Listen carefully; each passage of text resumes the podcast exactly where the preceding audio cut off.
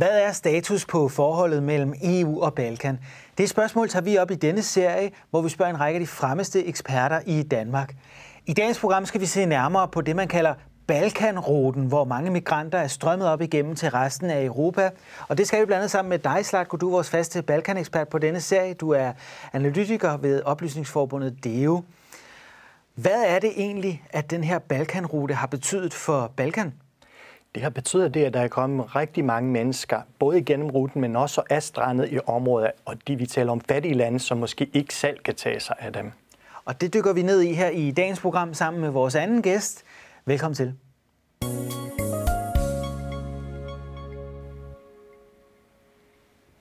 Og også velkommen til vores anden gæst, øh, Christina Grønenberg. Du er lektor i antropologi ved Københavns Universitet og migrationsforsker. Kan du sige lidt om, hvad er det, du har forsket i? Ja, altså jeg har dels øh, har jeg forsket i øh, øh, bosniske flygtningens rute op gennem Europa, skal man sige, øh, til de landede i Danmark i 90'erne, og fulgt nogle af de her familier senere med fokus på hjem- og tilhørsforhold. Og så endelig har jeg, som måske er mest relevant i den her sammenhæng, har jeg fokuseret på biometriske øh, teknologier i en migrationskontekst, altså i en grænsesammenhæng. Ja. Og hvordan man anvender de her teknologier ja. blandt andet, og udvikler dem, og hvilke sociale implikationer og andre implikationer, som de måtte have. Ja. Og det vi skal tale lidt om nu, det er altså fanget på Balkanruten til EU. Øh, da migrationskrisen ramte Europa i 2015, der vandrede op over en million øh, mennesker igennem Europa for at søge asyl, ja, søge asyl i, i de nordeuropæiske lande primært. De vandrede det, der siden blev kendt som Balkanruten. Hvad var det, der skete, Slatko? Altså oprindeligt gik mange af de her mennesker øh, altså ned fra Øh, for eksempel fra Tyrkiet til Grækenland og igennem øh, Nordmakedonien og Serbien øh, videre til, øh, til Ungarn. Men så på et tidspunkt uh, vil Ungarn stoppe det, det sætter hegn til grænsen til Serbien, så drejer ruten den vej igennem Bosnien som sådan. Så det vil sige, altså det der er sket, der har været en, en eller anden form for rute hele tiden, fordi der er nogle mennesker, der flugter fra noget og gerne vil nå til et sted. Uh, når man har forsøgt at hindre det for at stoppe det et sted, så har de bare valgt en anden øh, rute. Det, der er problem i den her sammenhæng, er jo, at Bosnien, som nævnt her, grænser til Kroatien, som er EU-medlemsland siden 2013. Det betyder, at mange af de her mennesker ankommer til nordvestlige Bosnien og grænsen til Kroatien og dermed EU, og bliver sådan set fanget der, fordi de kan ikke komme videre. Uh, og så forsøger de at komme over grænsen, og ofte oplever altså ting, som faktisk er ulovlige, så for eksempel som pushbacks, eller bliver også altså fysisk øh, mishandlet. Ja, hvis vi ser på, på kortet her, Christina, du har jo forsket det med grænser. EU's ydre grænse går netop, som øh, Slatko også inde på, ved Kroatien. Det splitter altså de her Balkanlande. Hvordan er forholdene ude ved, ved, ved de her ydre grænser? Altså, øh, som vi har set i forskellige reportager også, øh, der kan man jo se, at, øh, at forholdene for eksempel i et sted som Bihać, som ligger i, øh, op mod grænsen i øh, Bosnien, at de, de har jo, øh, altså der er utrolig mange flygtninge i Bihać for eksempel, øh, som lever under kummerlige forhold, for der er jo ikke de midler, der skal til for at sørge for sådan en stor ekstra befolkning. Jeg tror nærmest befolkningen er fordoblet, øh, eller i hvert fald øh, noget i den stil, ikke? Øh, så det ligger jo et kæmpestort pres øh, på, på de, de, de, de steder, som grænser op til Kroatien. Øh, og, og ydermere så har vi, som Slatko også siger, så er der øh, masser af eksempler på, at, at flygtningen bliver skubbet tilbage med vold, bliver kidnappet, bliver, øh, altså kommer ud for alle mulige forfærdelige ting i det her område. Øh, fordi man fra kroatisk side jo simpelthen ikke øh, vil have dem ind af flere forskellige gode og mindre gode årsager. Hvad, øh, som jo også har noget med med EU at gøre, og det synes jeg egentlig, du skal sige noget om, øh, ja. Slatko, fordi det er dig, der... Så Kroatien sidder i en, en helt særlig situation. Landet vil gerne med ind i Schengen. Kroatien er medlemsland siden 2013, men de er ikke kommet med i, øh, inden for det her Schengen-fællesskab. Og det er meget højt prioritet for landet. For at kunne det, så skal de blandt andet øh, bevise, at de kan tage vare om EU's ydergrænser. Og på den måde handler det så faktisk for dem om, at de ikke skulle tillade alt for mange flygtninge til at komme ind i Kroatien. Og derfor oplever vi også, at altså højstående politikere og også nogle institutioner lukker øjnene for det her ulovlige overgreb mod mennesker, der er på flugt. Netop for på den måde altså ikke at give, som de føler, forkert signal, at der kommer flere, som de opfatter det. Mm. Hvordan reagerer lokalbefolkningerne, hvis du er nede i de områder, Christina, på at der er øh, de her migranter, fra fjerne egne, primært Mellemøsten? Altså, hvad jeg ved fra Bihaj, det er jo, at, at lokalbefolkningen i starten, altså Bosnien har jo selv været igennem en krig. De fleste mennesker ved godt, hvad det betyder at flygte. Mange har, øh, har familiemedlemmer, som er flygtet.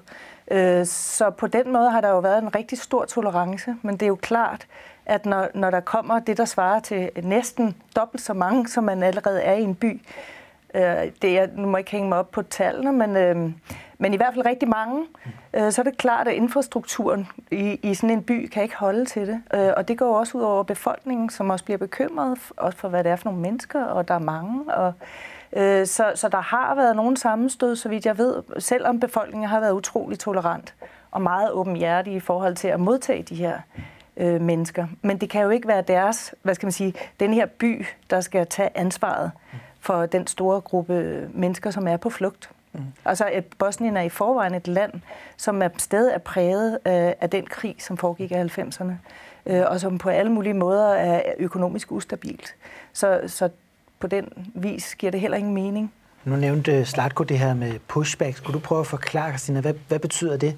Hvad er pushbacks ved grænsen til Kroatien? Ja, men det tror jeg faktisk, Slatko er bedre det til Det er måske altså bedst at forklare det på den måde, at det er, når du er kommet ind i et land, så har du ret til at søge asyl der. For ikke kunne opnå det ret, så bliver du skubbet tilbage til det land, som du kom fra. Uh, så ideen er jo, at uh, i stedet for, altså i det øjeblik, du er på de kroatiske jord, så at sige, altså så skulle du gerne kunne gå til det første sted og søge om asyl, sådan helt lovligt, men der i, altså, dem, der går, de forsvarer sig som regel, at de er illegale grænseovergang, fordi de mennesker kommer over grænsen, uden at de på forhånd har fået visum. Derfor tillader sig at skubbe dem tilbage til de lande, hvor de kommer fra, og de er de begreb. Men det er ulovligt, de følger altså blandt andet Genève-konventionen, er defineret som noget, der ikke burde ske. Uh, en ting, der måske også, og jeg vil gerne tilføje i forhold til det med Bihat, som er meget vigtig i den her sammenhæng, altså mange af de mennesker, der er på vej igennem Balkan, de opfatter sig selv, og de bliver også opfattet og, og fra de lokale som nogen, der er i transit. De skal jo videre. De skal til EU som sådan.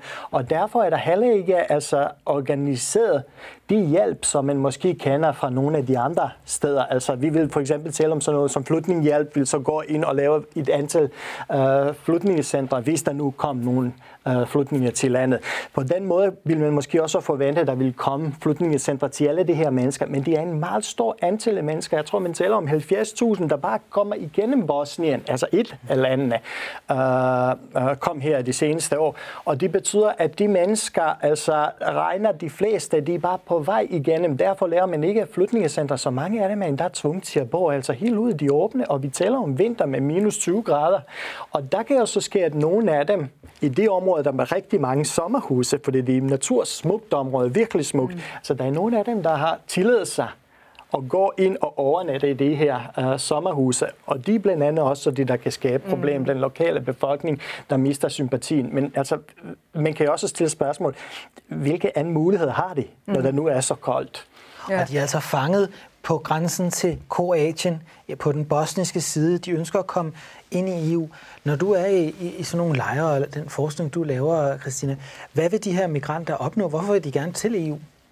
Jamen, det kan der jo være mange forskellige årsager til. Øhm, jeg får lige lyst, hvis jeg lige må supplere noget, som, øh, som Slatko sagde, fordi det, øh, der, hvor jeg har sidst har arbejdet mest, det har jo været omkring Italien og Spanien øh, hvor der er nogle af de øh, øh, lignende problematikker, kan man sige, men hvor man faktisk kan tale om, at der foregår en form for push away snarere end push back, fordi der har man de her hotspot-centre, som skal opsamle migranter og sørge for at registrere dem biometrisk hurtigt, sådan så de øh, kun kan søge asyl i dit land, de er ankommet til. Det er et, et, et udkomme af det, der hedder Dublin-aftalen. Øh, øh, men det, der så nogle gange sker, det er, at de italienske grænsevagter lukker øjnene og ikke registrerer folk biometrisk, for de er ikke interesseret i, at folk bliver i Italien. Fordi Italien har været overbebyrdet med flygtninge. Altså, der kom rigtig, rigtig mange, og der er ikke noget at give dem.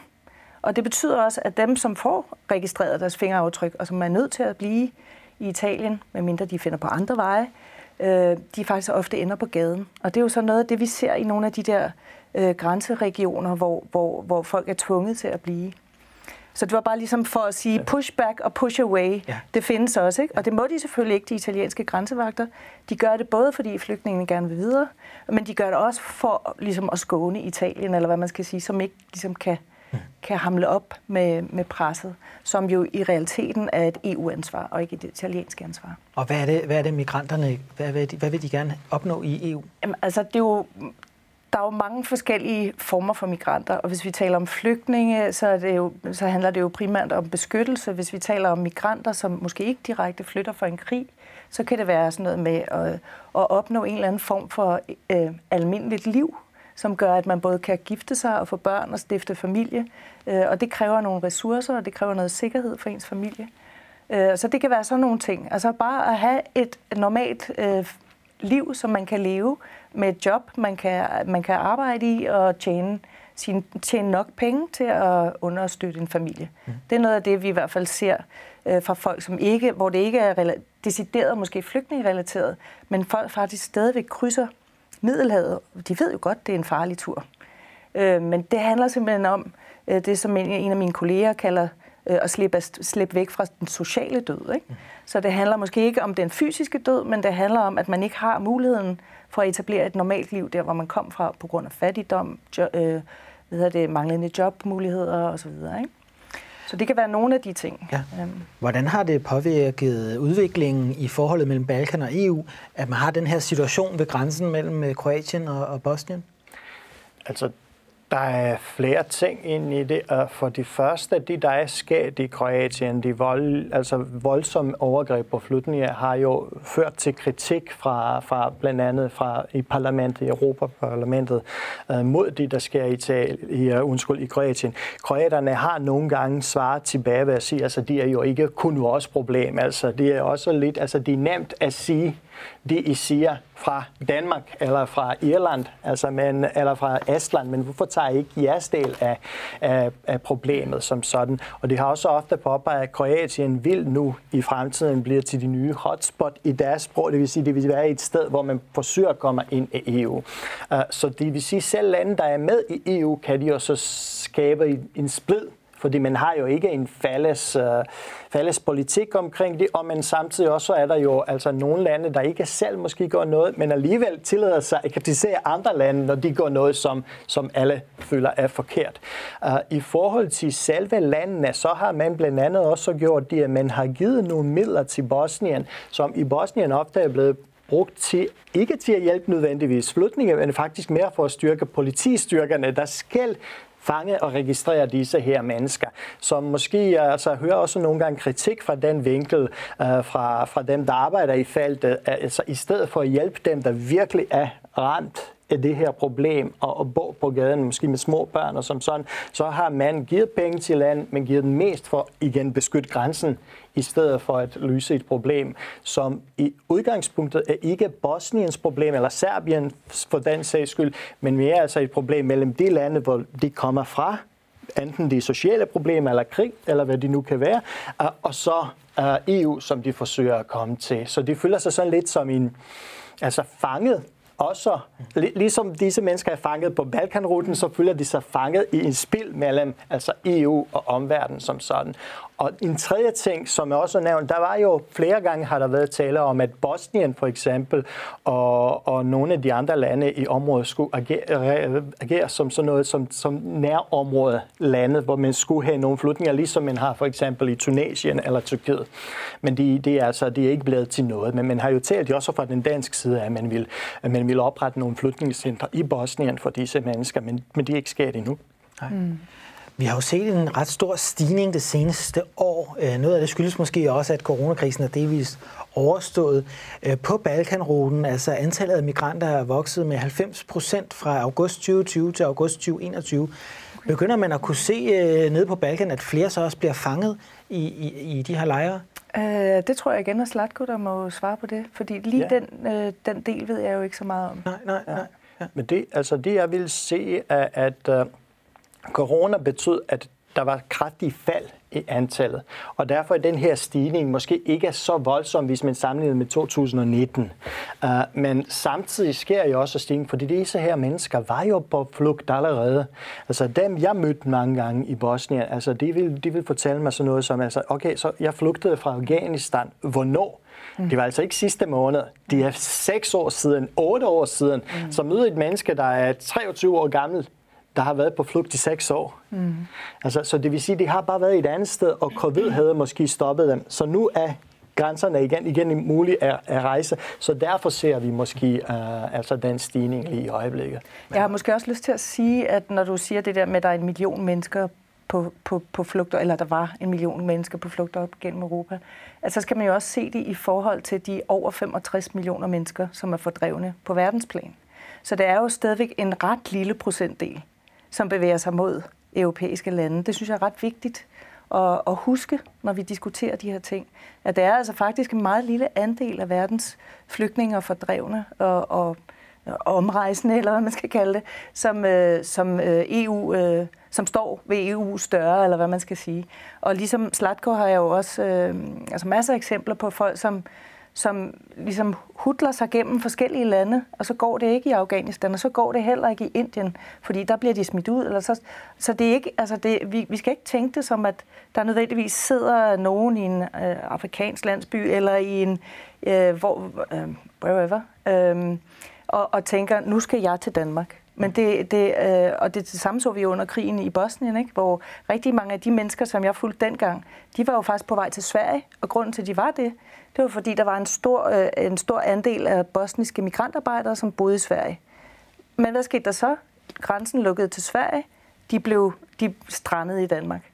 Så at det er mere for at sige, at det der med bevægelse og migrant- og flygtningebevægelse, det er ikke en lineær ting. Det er ikke sådan, at man sidder på, i punkt A og tænker, nu skal jeg til punkt B. Det er mere sådan nogle zigzag-bevægelser, og så lidt tilbage, og så lidt frem, og så lidt rundt, og i, i, i jagten efter en eller anden form for tåleligt liv. For det er jo trods alt det, det handler om. Det er jo ikke for sjov, man rejser ud. Hvordan er forholdene i, i, i de her lejre ved grænsen til Kroatien, og hvor mange år sidder folk der? Er det, er det helt udsigtsløst for nogle af dem? Ja. Altså det er generelt er de jo slemt. Der er, der er et par lejre, som er bedre. Altså, men der var så en lejr, der hed Lipa, som brændte. Mm. De må være i 2020, eller hvad det er 19. Nu kan jeg ikke huske slutningen af 19 eller starten af 20. Altså det vil sige, det er før det her, vi kender alle sammen fra Grækenland med Moria, men der var jo netop også altså en situation, hvor faktisk de bedste sted, man kunne have været i det her hele område, brændte ned.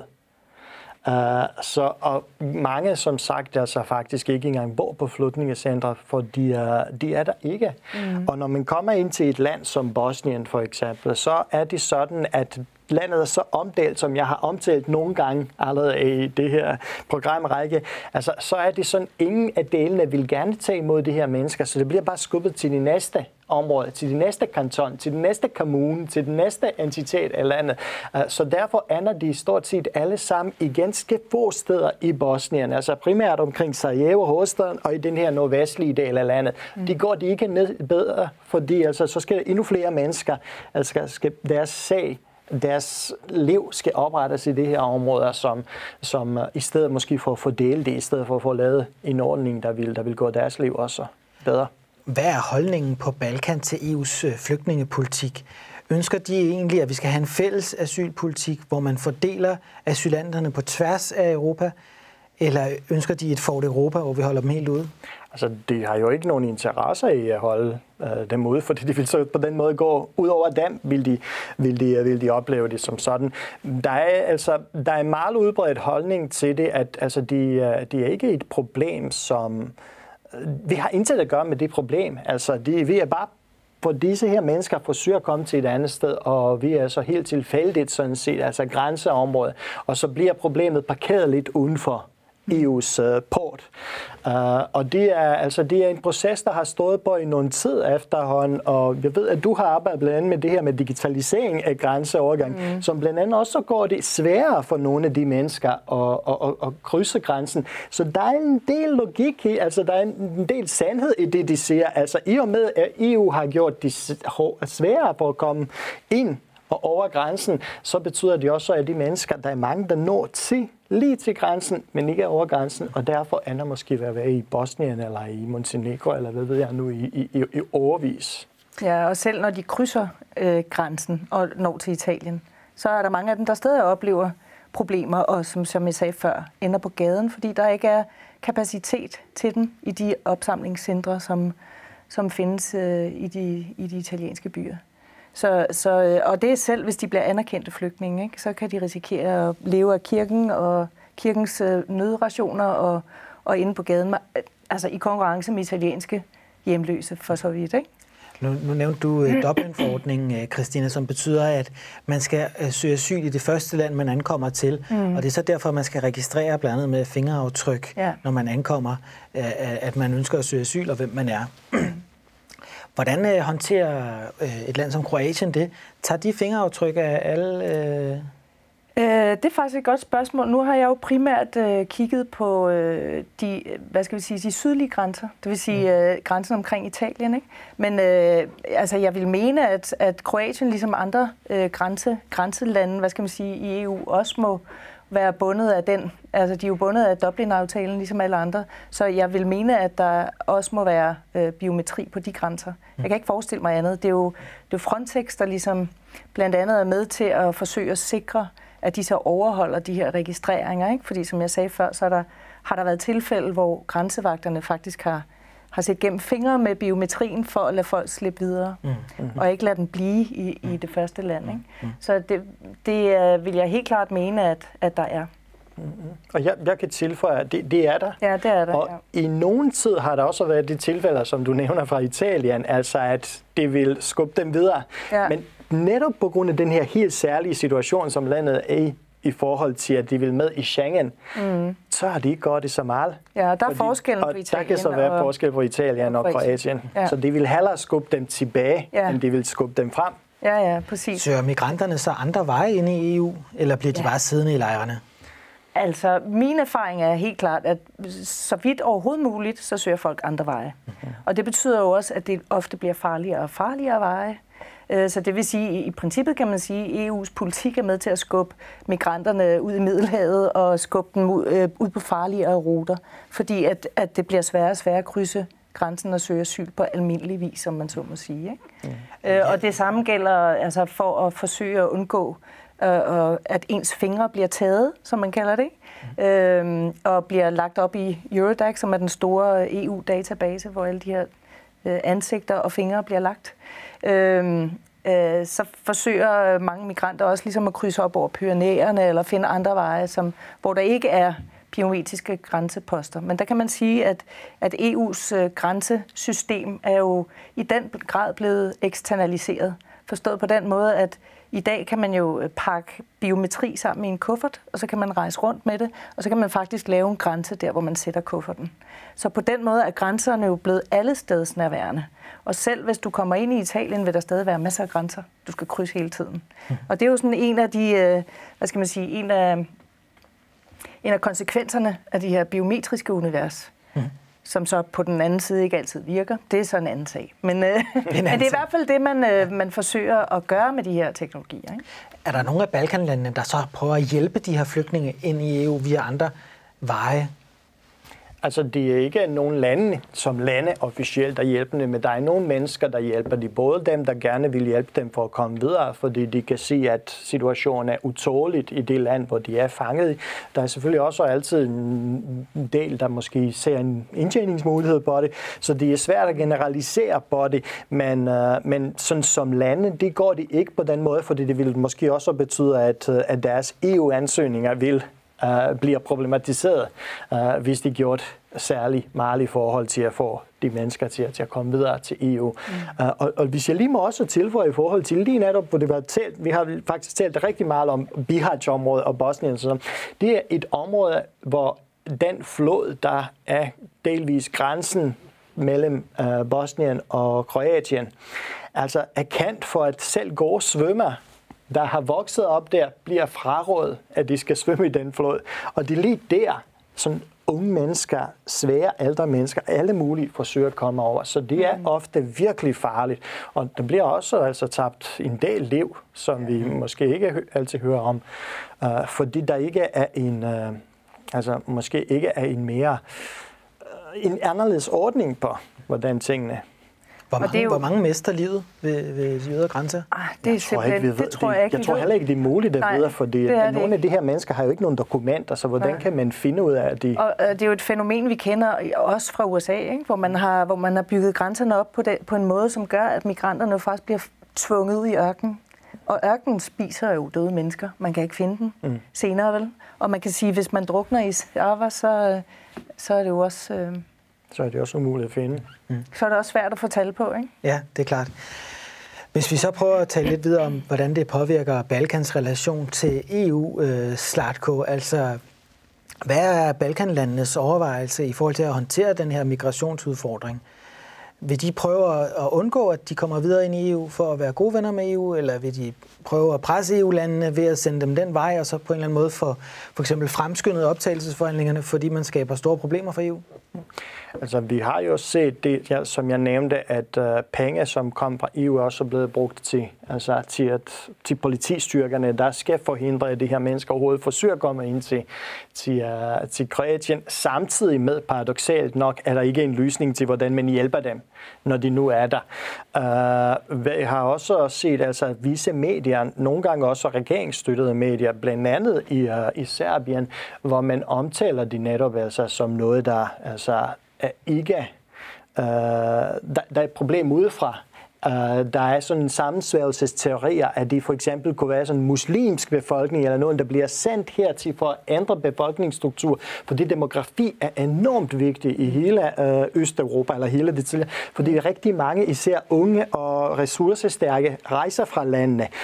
Så det her land, som Bosnien for eksempel, som vi nu har talt meget om, uh, hvor der er problem med, at rigtig mange rejser fra landet for at få arbejde andre steder de seneste uh, år, oplever, at de mangler arbejdskraft. Mm. Mm. Og samtidig er der nogle flygtninge, som kommer, men faktisk ikke får mulighed til at blive der, og måske til noget af de arbejde, fordi både lokalt også internationalt og blandt selve flygtninge opfattes som transitland, som man ikke altså, skulle blive i, men bare komme igen hurtigst muligt for at nå til EU. Uh, så, så, så jeg synes, der mangler, uh, altså det er et problem, som man ofte ser som et problem, man skal bare uh, skubbe væk, og i stedet for at tænke på at løse det på en eller anden måde, altså finde, finde en løsning både inde i EU, men også udenfor. for EU. Og mange, tror jeg, i EU, det er min opfattelse, tror i dag, at situationen er helt anderledes, end den var i 2015, og de er den i princippet ikke. Det her mennesker er bare nogle andre steder. Mm. I nogle andre steder, og nogle af dem sidder altså fanget på Balkan øh, i flere tilfælde i mange år. Ændrer det deres opfattelse af deres egen status? Ser de stadig sig selv som værende i transit hvis de sidder fanget i, i flere år? Altså, man kan jo sagtens opfatte sig selv som i transit i mange år, hvis man ikke får muligheden for at skabe sig et normalt liv det sted, man er. Altså, det er jo noget af det, jeg kan se fra min forskning for blandt bosniske flygtninge, blandt andet i Danmark. Øh, at, øh, at når man, når man bliver med med at få en eller anden form for midlertidighedsstatus, så har man jo ikke muligheden for at projektere sig selv ind i fremtiden, og dermed lave nogle, nogle planer for sig selv og sit liv og sin eventuelle familie. Og det vil også betyde, at man, man ikke rigtig kan, kan falde til. Mm. Fordi man hele tiden er på vej et andet sted. Og øh, altså, det er jo det er jo tydeligt, at i, i et land som, øh, som Bosnien, som, hvor, som du siger, Slatko, hvor mange opfatter sig selv som i transit, blandt andet på grund af de måske også manglende muligheder, der også kan være i Bosnien, i hvert fald i deres opfattelse af det, øh, der, øh, der vil den her transittanke formentlig være til stede rigtig, rigtig længe. Og hele tiden den der med, altså mange af de her mennesker, som Slatko jo også siger, er jo flygtet i overvis. Det er jo ikke, det er jo ikke sådan, at de bare har taget en flyver fra øh, øh Maputo, eller hvor det nu er, øh, direkte til øh, Bihać eller Sarajevo. Altså, de kommer jo øh, fra alle mulige steder fra, og, og har været længe undervejs formentlig. Øh, og vil derfor måske også stadigvæk blive ved med at afsøge mulighederne. Det handler jo om at få et normalt liv, eller et så normalt liv som muligt. Øh, et, en eller anden form for, øh, øh, hvad skal man sige, værdigt liv. Mm. Øh, for sig selv, og, og især for sin familie selvfølgelig også. Ikke? Så. Hvordan reagerer de i de her områder, øh, de her flygtninge, der sidder fast i, i mange år, udbryder der uroligheder? Hvordan påvirker det situationen på Balkan? Altså, vi har faktisk ikke set så mange uroligheder, men der har været nogle af de, der har været incidenter, sammenstød mellem lokale og også flygtninge. Uh, ikke så mange, når man tænker på, hvor stort de problem de er. Uh, men, men der har jo også været, altså også i Bihać-byen, altså nogle konflikter mellem nogle grupper af de lokale og nogle flygtninge. Uh, altså nogle lokale, der, der, der, der følte, at de skal beskytte deres by. Nu er der alt for mange her i byen, og vi skal holde dem ude. Mm. Uh, vi kender de også fra andre lande. Vi kender de for eksempel fra Bulgarien i 2015, hvor der blev etableret det her halvt illegale politistyrker, som fik lov altså at, at, at gå altså the dirty work af politiet, så politiet, det bulgarske politi, ikke skulle gøre det, for ikke at fremstå altså, i et meget negativt lys. Ja. Uh, så, og det tror jeg også, som man har set af andre steder. USA er næsten det bedste eksempel, hvad der, hvad der sker ikke for, for ikke så længe siden, altså vi har set det. Ja, jeg tror måske, det er vigtigt også at slå fast, at det er jo ikke, det er jo ikke flygtningen i sig selv, der er et problem. Mm. Det, der er problemet, det er, at, at de ikke kan komme videre, at, at de ligesom sidder fast i en stor klump. Altså det er jo mere det med antallet, ja. og så den infrastruktur, som er i det, det sted, de, de er. Altså hvis nu det havde været Danmark, så havde det måske været noget andet. Ja. Altså fordi vi har vi er et relativt rigt, velstående land med et velfærdssystem osv. osv. Bosnien er jo noget helt andet. Altså, og stadig, som sagt, også præget af, af efter krigen. Ikke? Og... Bør EU hjælpe mere øh, med de her lejre? Støtte mere op, øh, sikre bedre forhold? Altså, jeg synes måske, EU burde øh, øh, forstå, hvor lille en andel af flygtningen, der overhovedet når dertil, og så prøve at altså, åbne grænserne i højere grad til at lade de her folk komme ind, og så tage, tage medansvar for at give dem beskyttelse og give dem muligheden for et værdigt liv. Det kan ikke, jeg kan ikke øh, forstå, at det skal være så svært. Vi, vi, vi er et, et den mest, altså en af de rigeste dele af verden. Øh, og så skubber vi hele tiden problemet mod dem, som har mindre. Det giver ikke mening i, i øh, hverken forskningsmæssigt eller og heller ikke bare i det hele taget i min optik. Hvordan er reaktionen på Balkan øh, også politisk? Er der kræfter, som taler for, at man burde sende dem op igennem Europa og komme af med, med, med det her problem? Altså, der er selvfølgelig nogen, der taler om, altså, at de skal sendes videre, men der er, jeg tror, der er flere politiske kræfter, der taler om, at de skal sendes tilbage, så de er faktisk lige de omvendte. Måske også, fordi de ved godt, at de ikke kan sende dem til EU, og det vil skabe nogle problemer. Så de taler snarere om, at altså, sende dem alle sammen tilbage til øh, Afghanistan, eller hvor de nu kommer fra. Mm. Uh, jeg tror, at det er den, der er næsten mere udbredt mm. ude på altså en del af, af sådan, især altså, sådan nationalistiske øh, højrefløj i, i, i forskellige Balkanlande, som så også, som sagt tidligere, altså ser den, disse befolkninger som trussel mod deres oprindelige befolkning, som de ser det. Og så er der altså en frygt i Kroatien for, at hvis man, hvis man sender dem videre op i EU, at man vil blive straffet mm. af EU-landene. Er det, skal vi forstå det sådan? Slags? Ja, men jeg vil kunne komme med i, i Schengen. Ja. Uh, men nu har vi jo et perspektiv om, at flere af landene Øh, Øh, eventuelt kan komme med i EU. Øh, der er en række af lande, der er kandidatlande. Der er også nogle af landene, der håber på at blive det. Så det vil jo sige, med tiden over årene, så vil de jo komme med. Hvordan skal man så håndtere det? Fordi så vil de jo pludselig få adgang til EU, de mennesker, der nu sidder fanget i eksempelvis Bosnien. Altså, jeg tror, det vil blive et større problem i og med, hvis der nu sker noget i forhold til landenes EU-medlemskab, så vil man måske sætte det mere tydeligt på øh, dagsorden. Hvad går vi også med det her problem? I øjeblikket fokuserer man mere på sådan noget som retsstaten, demokrati, reformerne, økonomiske reformer. Nu også en grøn omstilling taler man om. Men, øh, men fremover, hvis det bliver aktuelt, og hvis landene kommer tættere på Bosnien for eksempel, især nu her, som alle står som et af de dårligste lande i forhold til at komme med i mm. EU. Hvis det kommer tættere på det, så vil det her problem også blive måske mere aktu- aktuel, aktualiseret, end den er nu. Men samtidig vil jeg også påpege på det, at Udover at det er et lille andel af verdens flygtninge og migranter, der kommer til, uh, til EU, øh, så er også altså Balkans befolkning af de seks lande, som vi taler om, et meget lavt, altså vi taler om 17 millioner mennesker. I forhold til EU's samlede befolkningstal på vel 440 millioner. Det er forsvindende lille uh, procentdel, og endnu i det, altså så er rigtig få mennesker, når man tænker i sådan blandt 440 millioner, vi taler om her. Altså vi taler om nogle tusinder. Altså jeg har ikke konkret tal på det, men, men vi taler jo ikke om, mm. om massive, massive tal, som sådan vil vælte det hele på, på en uge. Mm. Uh, så, men man vil nok komme til at tale mere om det i det øjeblik, Bosnien eventuelt kommer tættere på EU-medlemskab. Fordi i øjeblikket mest i Bosnien, der er et problem, synes jeg. Mm. Med din øh, erfaring, øh, Christina, med migrationsforskning, tror du problemet vil blive større eller mindre i fremtiden? Altså det er jo rigtig svært at sige, og det kommer jo rigt, øh, meget an på, hvad det er for politikker, der bliver rullet ud.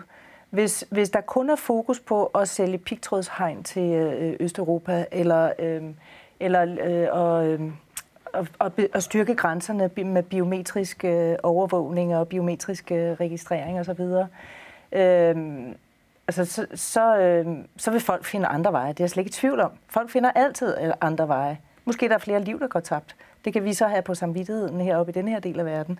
Øh, men om der ligefrem kommer flere, det er jo svært at spå om, men man kan sige, det, det, det afhænger af jo rigtig meget, hvilken politik også vi fører i forhold til de lande, som, øh, som har øh, økonomiske og politiske problemer. Det handler jo også om at hjælpe de lande med øh, på en eller anden måde at støtte op omkring deres befolkninger.